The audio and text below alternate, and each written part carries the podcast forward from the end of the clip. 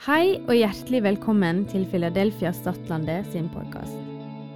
Ønsker du å vite mer om oss, kan du gå inn på filadelfiastat.no. Her kommer ukas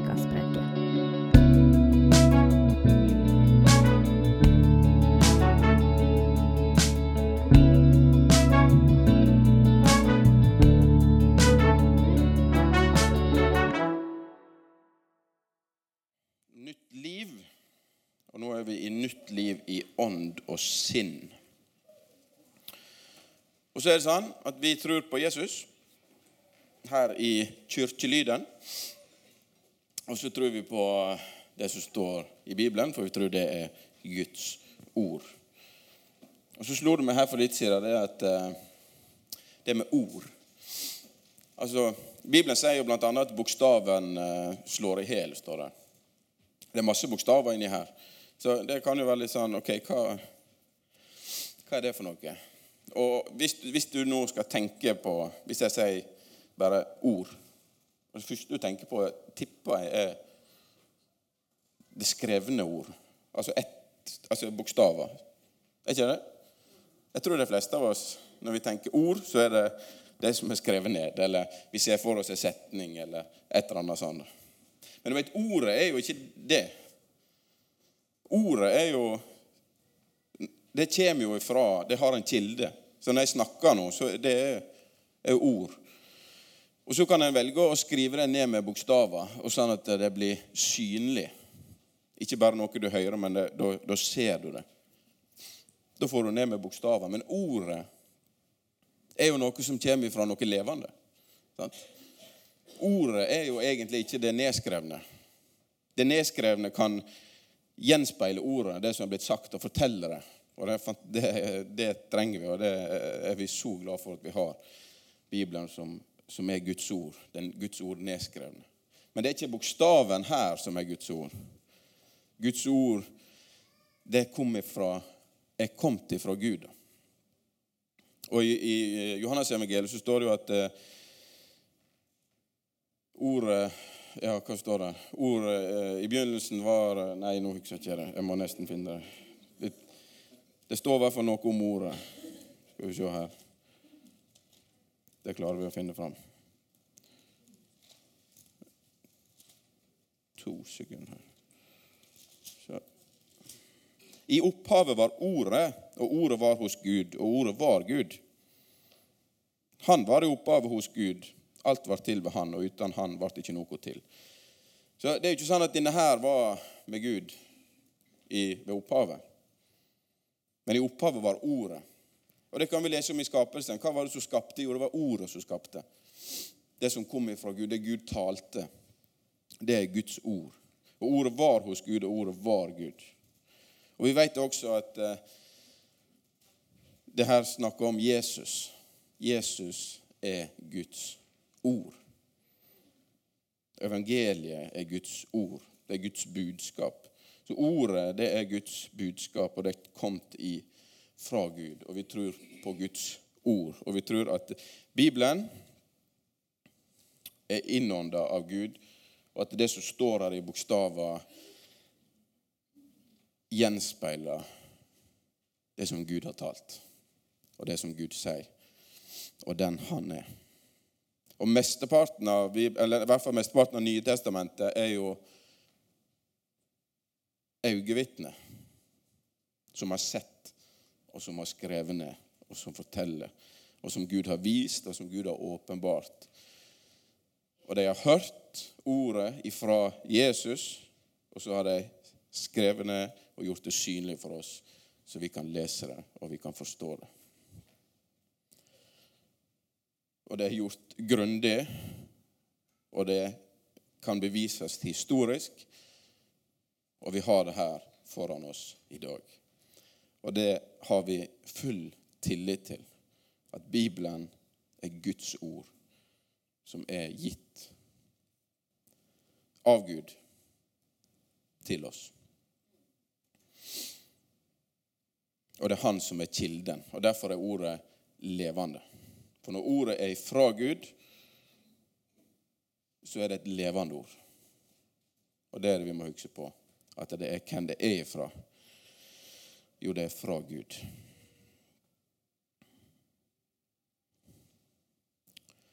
Vi skal lese, Det blir en del tekst i dag. Jeg håper det går bra. Vi skal lese en del fra Romerbrevet.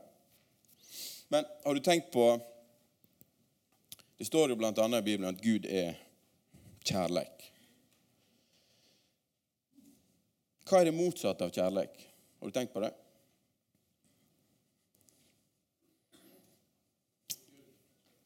Likegyldighet, ja. Hat. Det er gode Jeg skulle å si forslag, men innspill. Hat er kanskje noe av det første som slår oss.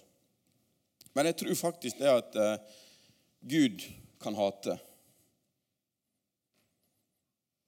Og Hvis Gud er kjærlighet, og Gud kan hate, så tror jeg ikke han er, er seg sjøl, sin motsatte i seg sjøl.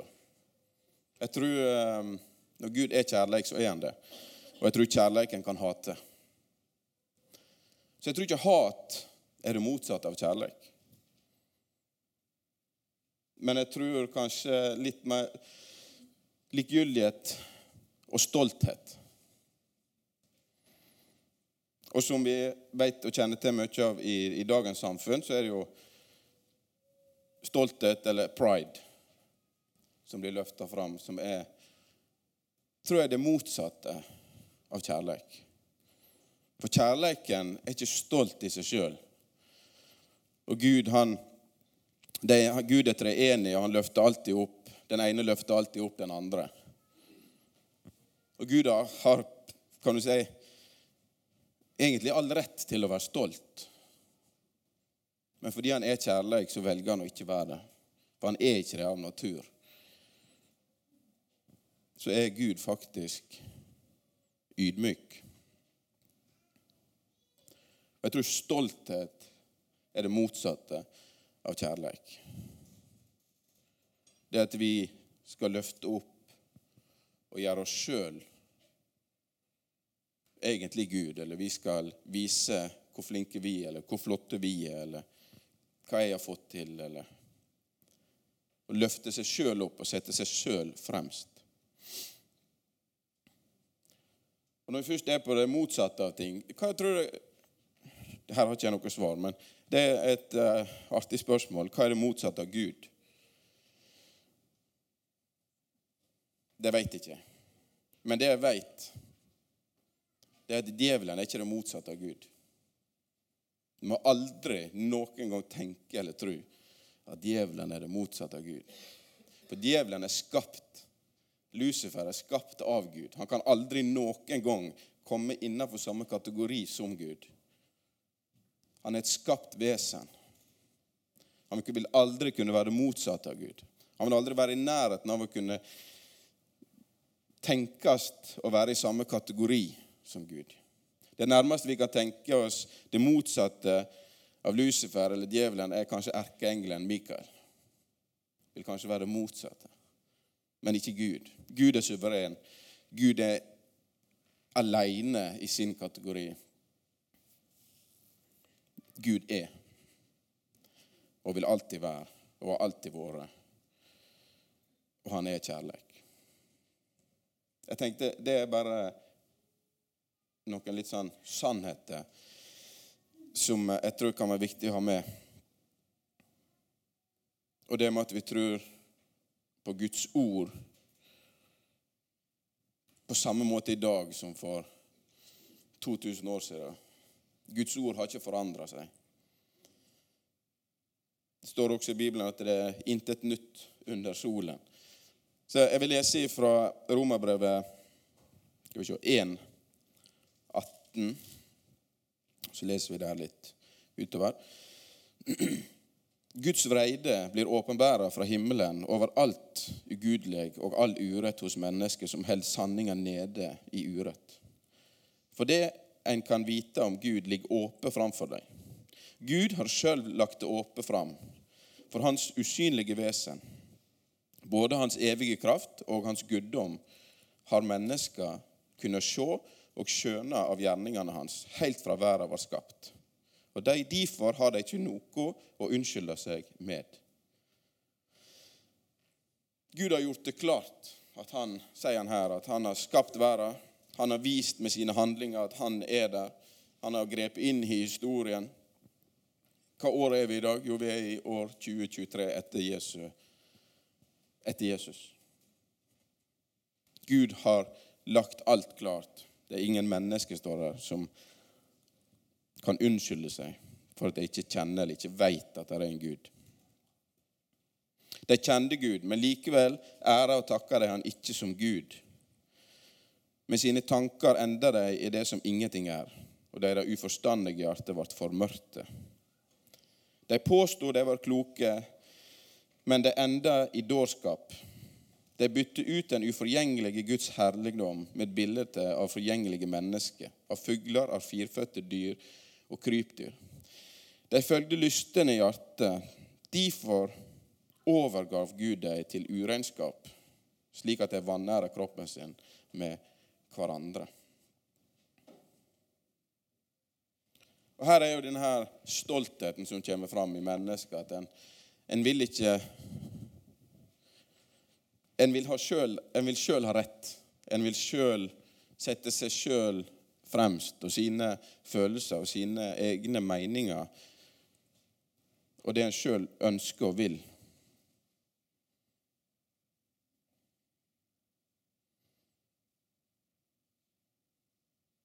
For det bytter ut Guds sanning med løgn og dyrker ære det skapte i stedet for skaperen. Han som er velsigna i all æve. Amen. Derfor overga Gud det til skammelige lyster. Kvinnene deres bytte ut det naturlige samlivet med det som er imot naturen. På samme måte holdt mennene opp med det naturlige samlivet med kvinner og tok til å brenne av lyst etter hverandre. Menn drev utukt med menn, og det bar sjølve den straffa som måtte komme for villfaringa og de brydde seg ikke om å kjenne Gud. Og Derfor overgav Gud dem til en sviktende dømmekraft. Så de gjør slik som ikke sømmer seg.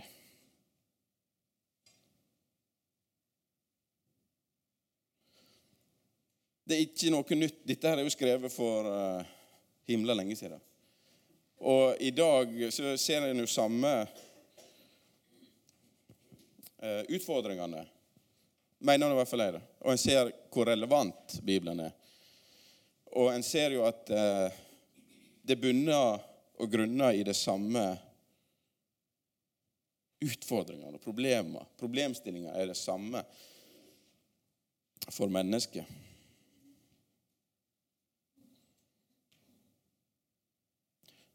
Jeg bare leser ferdig dette kapitlet. De er fulle av all slags urett, umoral og lyst til alltid å eie mer. Det kjenner jeg meg ikke igjen av vondskap, misunning og mordlyst, strid, svik og list. De fer med sladder og baktaler, de hater Gud og bruker vald, er hovmodige og skrytende. De er gode til å finne på vondt og ulydige mot foreldre. De er uvitige, upålitelige, ukjærlige og uten miskunn. De vet hva Guds lov sier, at de som driver med slikt, fortjener å dø. Likevel gjør de det ikke bare sjølve, men de roser òg andre som gjør det. En kjenner jo igjen dette. Og bare slapp av. Blir, du skal bli oppløfta i dag. Jeg er ikke her for å trykke deg ned. Og, og det er ikke romerbrev heller. Men når du leser dette her, så kan du bli litt sånn For det treffer jo. Jeg tipper det treffer veldig mange av oss som sitter her. Og så ser vi òg at det treffer i hvert fall samfunnet vi lever i. Guds ord er relevant. Men her er et budskap, evangeliet. Det kommer noe fantastisk. Jeg skal lese videre i Romerbrevet 2, 1. Derfor har du ikke noe å unnskylde deg med, du menneske som dømmer. Hvem du så er. Når du dømmer en annen, fordømmer du deg sjøl. Kom det plutselig der? I det kapitlet vi la, så var det nesten sånn at Å, herlighet, ja Kom an. Og så kan jeg tenke at ja, nå det de som holder på sånn og sånn og sånn. Og, skal, og så kan vi kanskje hive oss på dette og, og at vi, vi, vi, dømmer mennesket. Men du har ikke noe å unnskylde deg med, du menneske, du som dømmer. Hvem du så er. For når du dømmer en annen, fordømmer du deg sjøl. For du som dømmer, gjør sjøl det samme. Og vi vet at Guds dom med full rett råker de som driver med slikt. Men når du, menneske, dømmer de som gjør dette, og sjøl gjør det samme, mener du da at du skal slippe unna, slippe unna med Guds dom? I bergpreika så kommer dette her tydelig fram. At eh, er du menneske, så er du sjøl skyldig. Du er sjøl skyldig. Hvem du så er hvis du dømmer andre.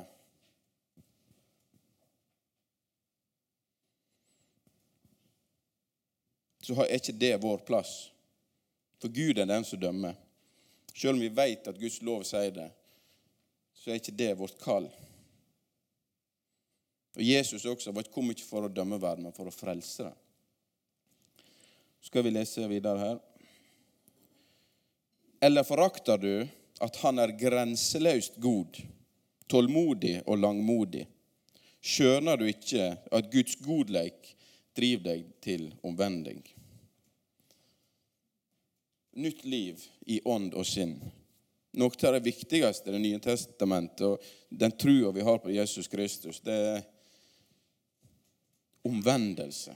Og hva er omvendelse? Det er ord som eh, metanoia, tror jeg det er på, på gresk.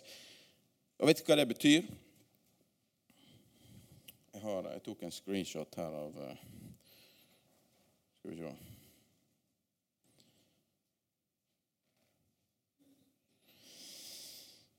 hmm, Der har vi det. Det er Think differently after, after a change of mind. Å tenke annerledes etterpå. Det står det videre etter et uh, møte med, eller etter en forandring, eller etter å tenke annerledes. En endring i tankene dine.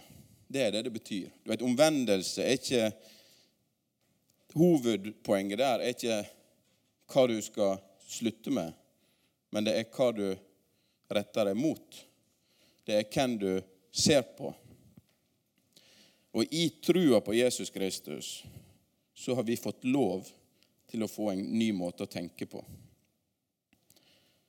For hvis ikke, så forakter vi at han er grenseløst god, og at han er tålmodig og langmodig. Og du har glemt, og du skjønner ikke, at Guds godleik er det som driver oss til omvendelse.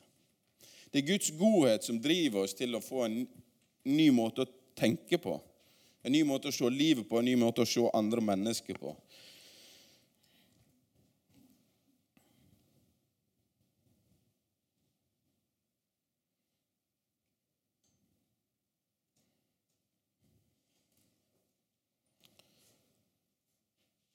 For vi er alle i samme båt. Vi er alle kommet til kort. Dette får ikke på skjermen, men i, i kapittel 3 litt ute så står det det fins ingen rettferdig, ikke en eneste en. Det fins ingen hvitugge, ikke en som søker Gud. Alle er kommet på avvegg. Alle er det forderva. Det fins ikke én som gjør det gode, ikke en eneste. Ei åpen grav er strupen deres. På tunga ligger falske ord. Under leppene ormegift. Munnen er full av forbanning og harde ord. Lette er de på foten når de vil ause ut blod der de fær er det ødelegging og nød, og fredsveg kjenner de ikke. Frukt for Gud har de ikke for øynene. Det er jo ganske Men der har du liksom mennesker da, etter fallet. Vi er ingen som er bedre enn noen andre. Vi er alle fortapt. Vi er alle kommet til kort. Men vi må ikke glemme at han er grenseløst god, tålmodig og langmodig og at det er hans godhet som skal virke i oss til endring og til omvendelse. Og når vi da skal møte andre mennesker og møte seg sjøl, folk som, som vi vet tror, andre som ikke tror, hva møter vi dem med? Jo, vi skal møte dem med Guds grenseløse kjærlighet, med Guds godhet, for at vi vet at det er det som leder folk til omvendelse. Og det er det han skriver mer og mer om utover nå i, i Romerbrevet. Så vi kommer til Romerbrevet kapittel 3, vers 21. Men nå er Guds rettferd, som lova og profetene vitner om, åpenbæra utenom lova. Nå er det kommet åpenbart en rettferdighet ifra Gud som ikke er På mange måter så kan en si at den er utenom loven, men samtidig så er den jo på loven. Fordi den rettferda ble etablert ved at Jesus Kristus oppfylte lova. Derfor har vi fått mulighet til å ta imot Guds rettferdighet. Dette er Guds rettferd som blir gjeven ved trua på Jesus Kristus til alle som tror. Her er det ingen skilnad. For alle har synda og mangler Guds herligdom. Men ufortjent og av Hans nåde blir de kjente rettferdige, frikjøpt i Kristus Jesus. For han har Gud stilt synlig fram, så han med sitt blod skulle være soningsstaden for de som tror. Og slik viste Gud sin rettferd Er ikke det rått? Og Der er det vi står i dag. Der er det vi står i trua på Jesus Kristus. Og Det er derfor vi sier at vi tror på Jesus. Jeg tror ikke på meg sjøl, men jeg tror på Jesus. Jeg tror på det han har gjort. Jeg tror på at han kan møte meg, og at han kan møte deg. Jeg tror han kan skape forandring. Jeg tror han er den som har kraft og makt og myndighet til alt det han har kalt oss til, både som individ og som menighet så er det han som er seiersherre. Og det er også han som er, som Raymond sa, som er samlingspunktet for oss her, og for alle som tror, og for Guds menighet. Det er han som betyr noe. Det er han vi har satt vår lit til.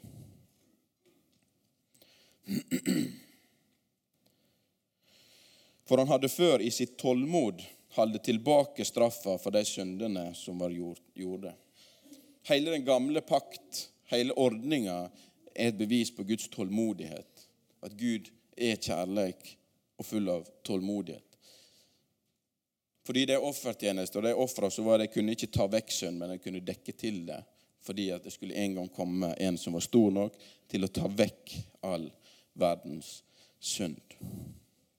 Og det var Jesus. Men i vår tid ville han vise sin rettferd. Både at han sjøl er rettferdig, og at han sier rettferdig den som tror på Jesus. Og hva har vi da å være stolte av? Ingenting. Etter hva lov? Lova om gjerninger? Nei. Lova om tru. For vi hevder at mennesket blir rettferdig ved tru, uten lovgjerninger. Eller er Gud bare Gud for jødene? Er han ikke Gud for de andre folka òg? Jau, for deg òg. For Gud er én. Han som rettferdiggjør de omskårne av tru og de uomskårne ved den samme trua. Opphever vi da lova ved trua langt ifra vi stadfester det? Hvis du noen gang skal stadfeste lova, den gamle pakt, så er det å ta imot Jesus sin rettferdighet i trua på han. For han har oppfylt lova og alle de kravene som var der. Og så har vi i tru fått lov å ta imot det perfekte livet som han har levd. Og vi blir nå kalt sønner og døtre av Gud og medarvinger.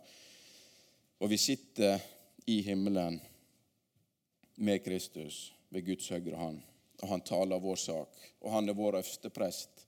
Han representerer oss framfor Gud.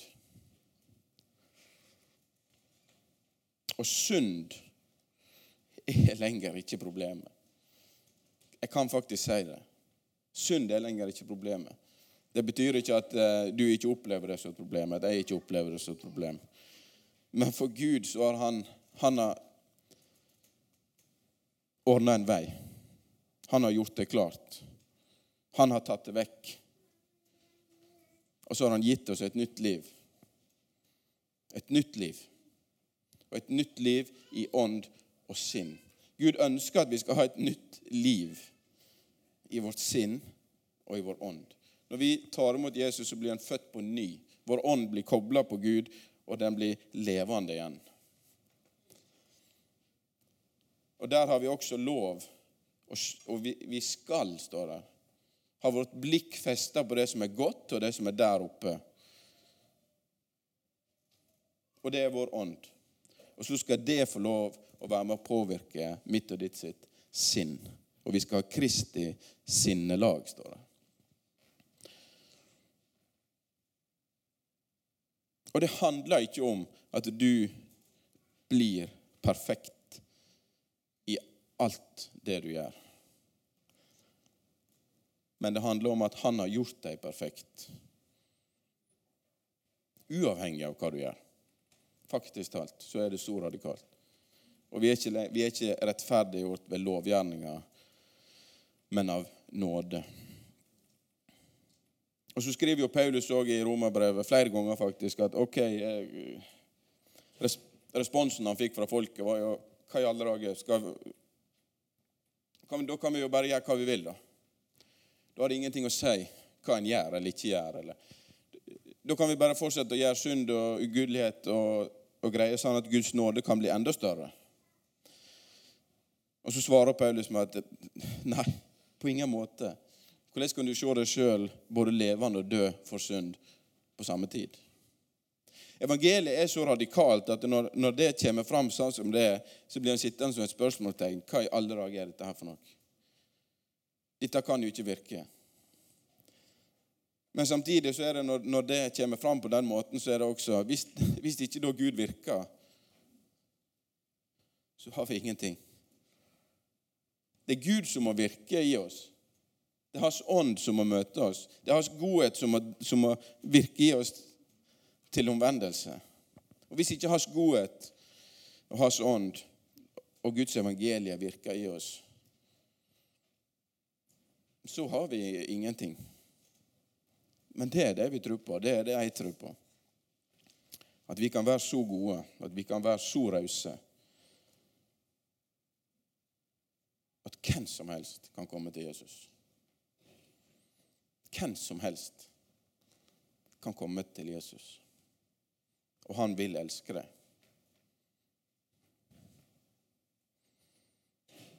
Og så tror vi, og så tror vi det er en viktig ting, at Guds nåde oppdrar oss. Den virker. Og det kan jeg bevitne i mitt eget liv, at det, er Guds godhet som, som virker i mitt liv til at jeg vil. Jeg vil se Guds vilje gå fram. Jeg vil se Guds vilje i mitt liv.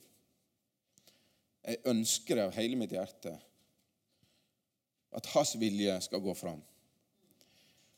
Og det er først og fremst fordi jeg veit og har sett og kjent at han er god. Og når jeg veit at han er god, så veit jeg at hans vilje er god. Den er god for meg, og den er god for deg, og den er god for alle mennesker. For han er vår Herre, og han er den som har skapt oss, og han er den som kjenner oss.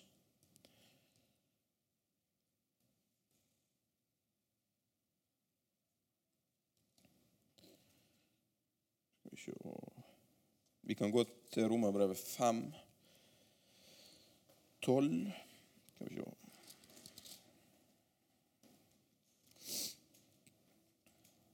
Derfor, liksom synda kom inn i verden ved ett menneske, og døden sammen med synda, slik nådde døden alle mennesker fordi de alle synder.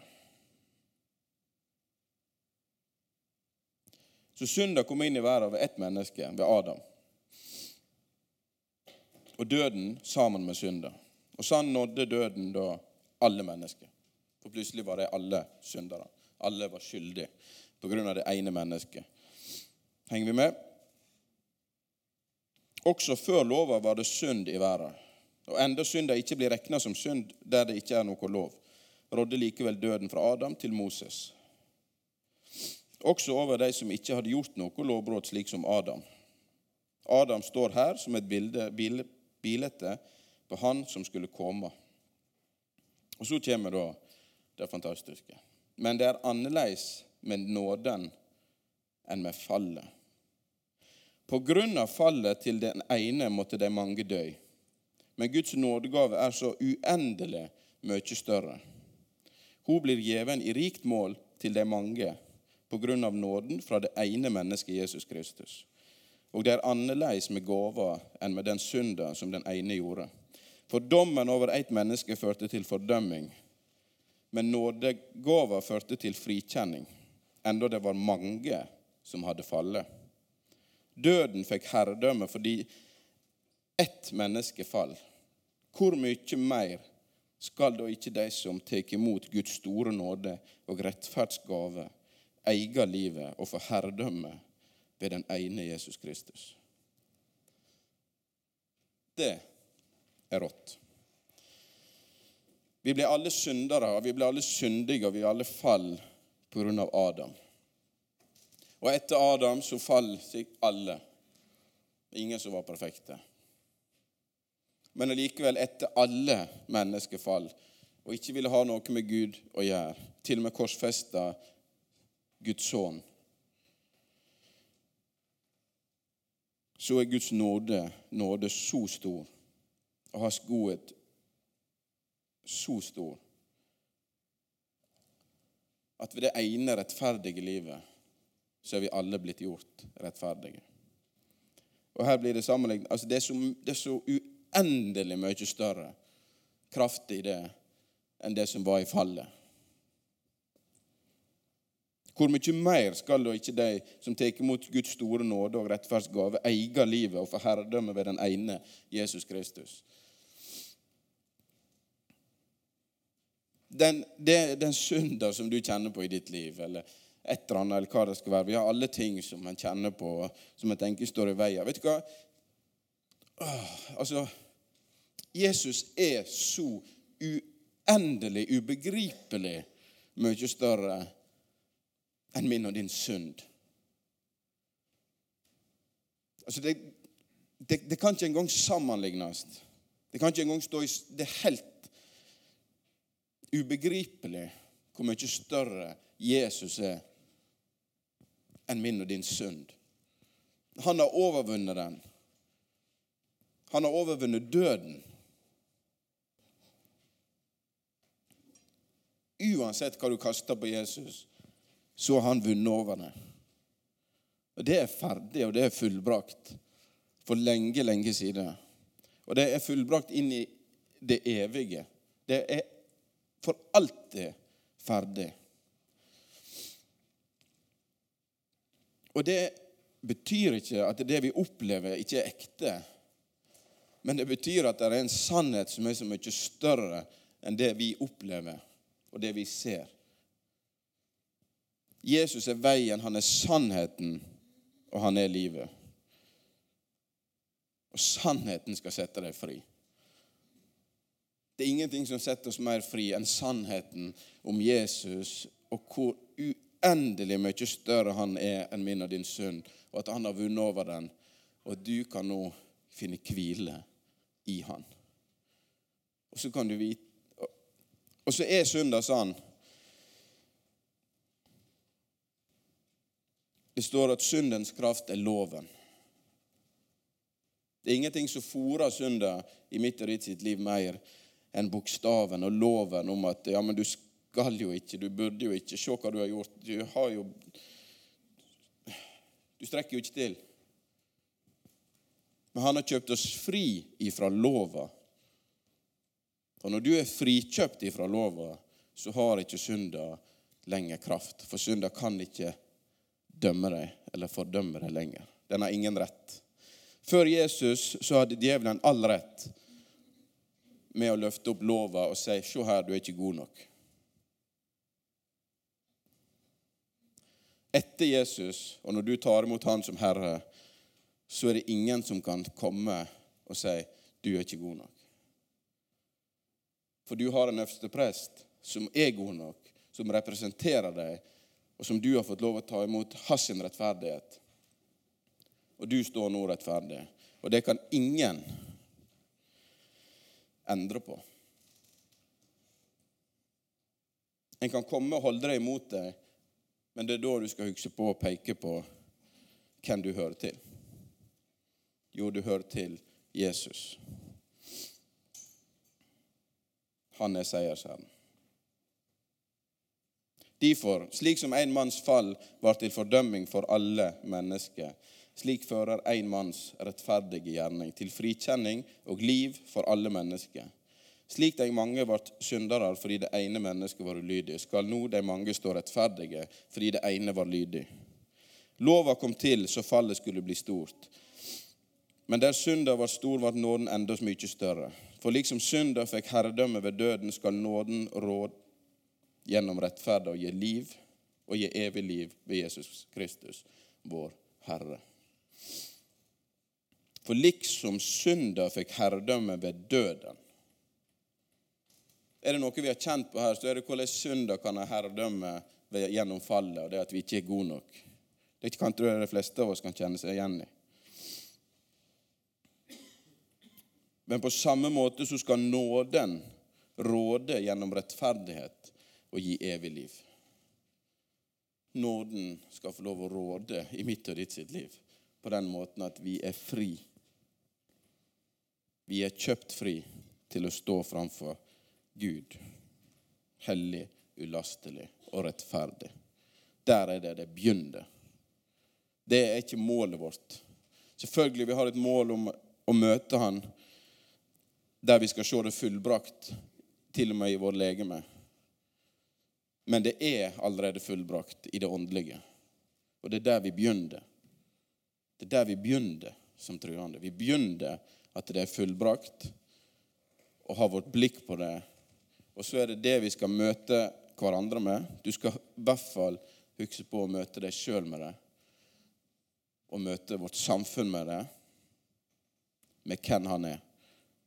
Men samtidig så vi skal stå opp og stå fast på Guds ord og på verdier fordi vi vet at Gud er god. Fordi vi har erfart at Gud er god, så vil vi stå fast på de verdiene som Han løfter fram som vår skaper og som vår Herre. Så tror vi på at Gud har skapt oss i sitt bilde, til mann og til kvinne. så har vi trua på familie. Så vil vi løfte alle disse verdiene vil vi løfte høyt opp. For det, det er Guds ord, og det er Guds vilje. Og fordi vi har lært Han å kjenne. Og fordi det er Guds godhet som driver oss til omvendelse. Og vi har fått et nytt liv i ånd og sinn.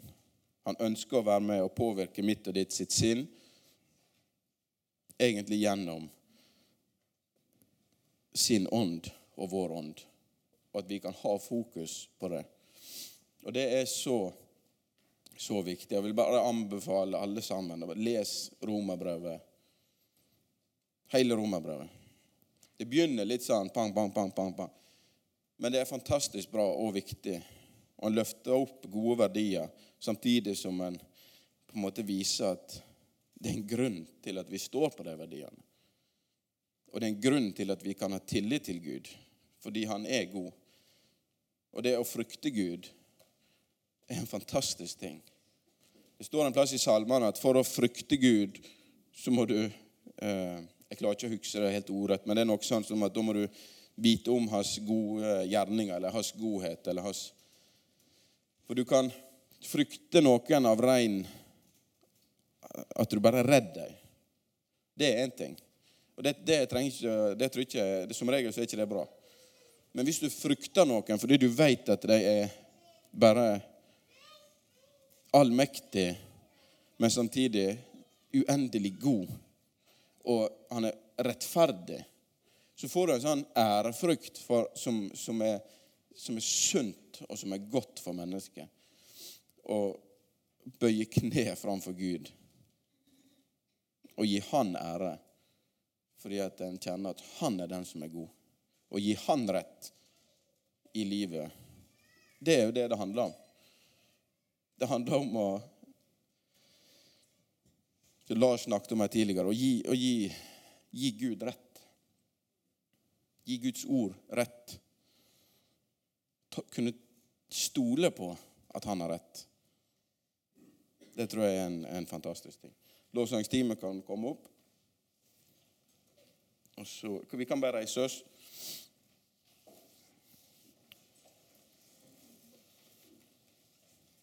Og så er det en viktig ting å kunne tørre å, å snakke om Guds ord. Om å kunne snakke i lag om rett og, og alle disse tingene her. Og ikke bare ikke snakke om det fordi det er vanskelig. Det trenger ikke å være så vanskelig. Men det viktigste er at Gud er god, og det er Guds godhet som driver oss til omvendelse. Mens lovsangsteamet spiller, så tenker jeg de som vil, kan komme fram til eh, forbønn hvis en har lyst til det. Og bare ja, bli bedt for om å virkelig få, få se Guds godhet. For jeg tror det er det som ligger lengst fremme på Guds hjerte. Det er at han ønsker å vise hvem han er. At han ønsker å møte deg der du er, uavhengig av hvor han er. Eller, det har ikke noe å si. Gud kan møte oss der vi er, uansett hvem vi er, eller uansett hvor vi er. Og det er en fantastisk ting. Så mens de spiller et par sanger, så kan de som vil, komme fram til, til forbønn. Takk for at du hørte på. Har du spørsmål eller ønsker å koble deg på kirka, ta kontakt på mail eller gjennom vår nettside. Håper du vil høre på neste uke også, eller at vi sees på gudstjenesten.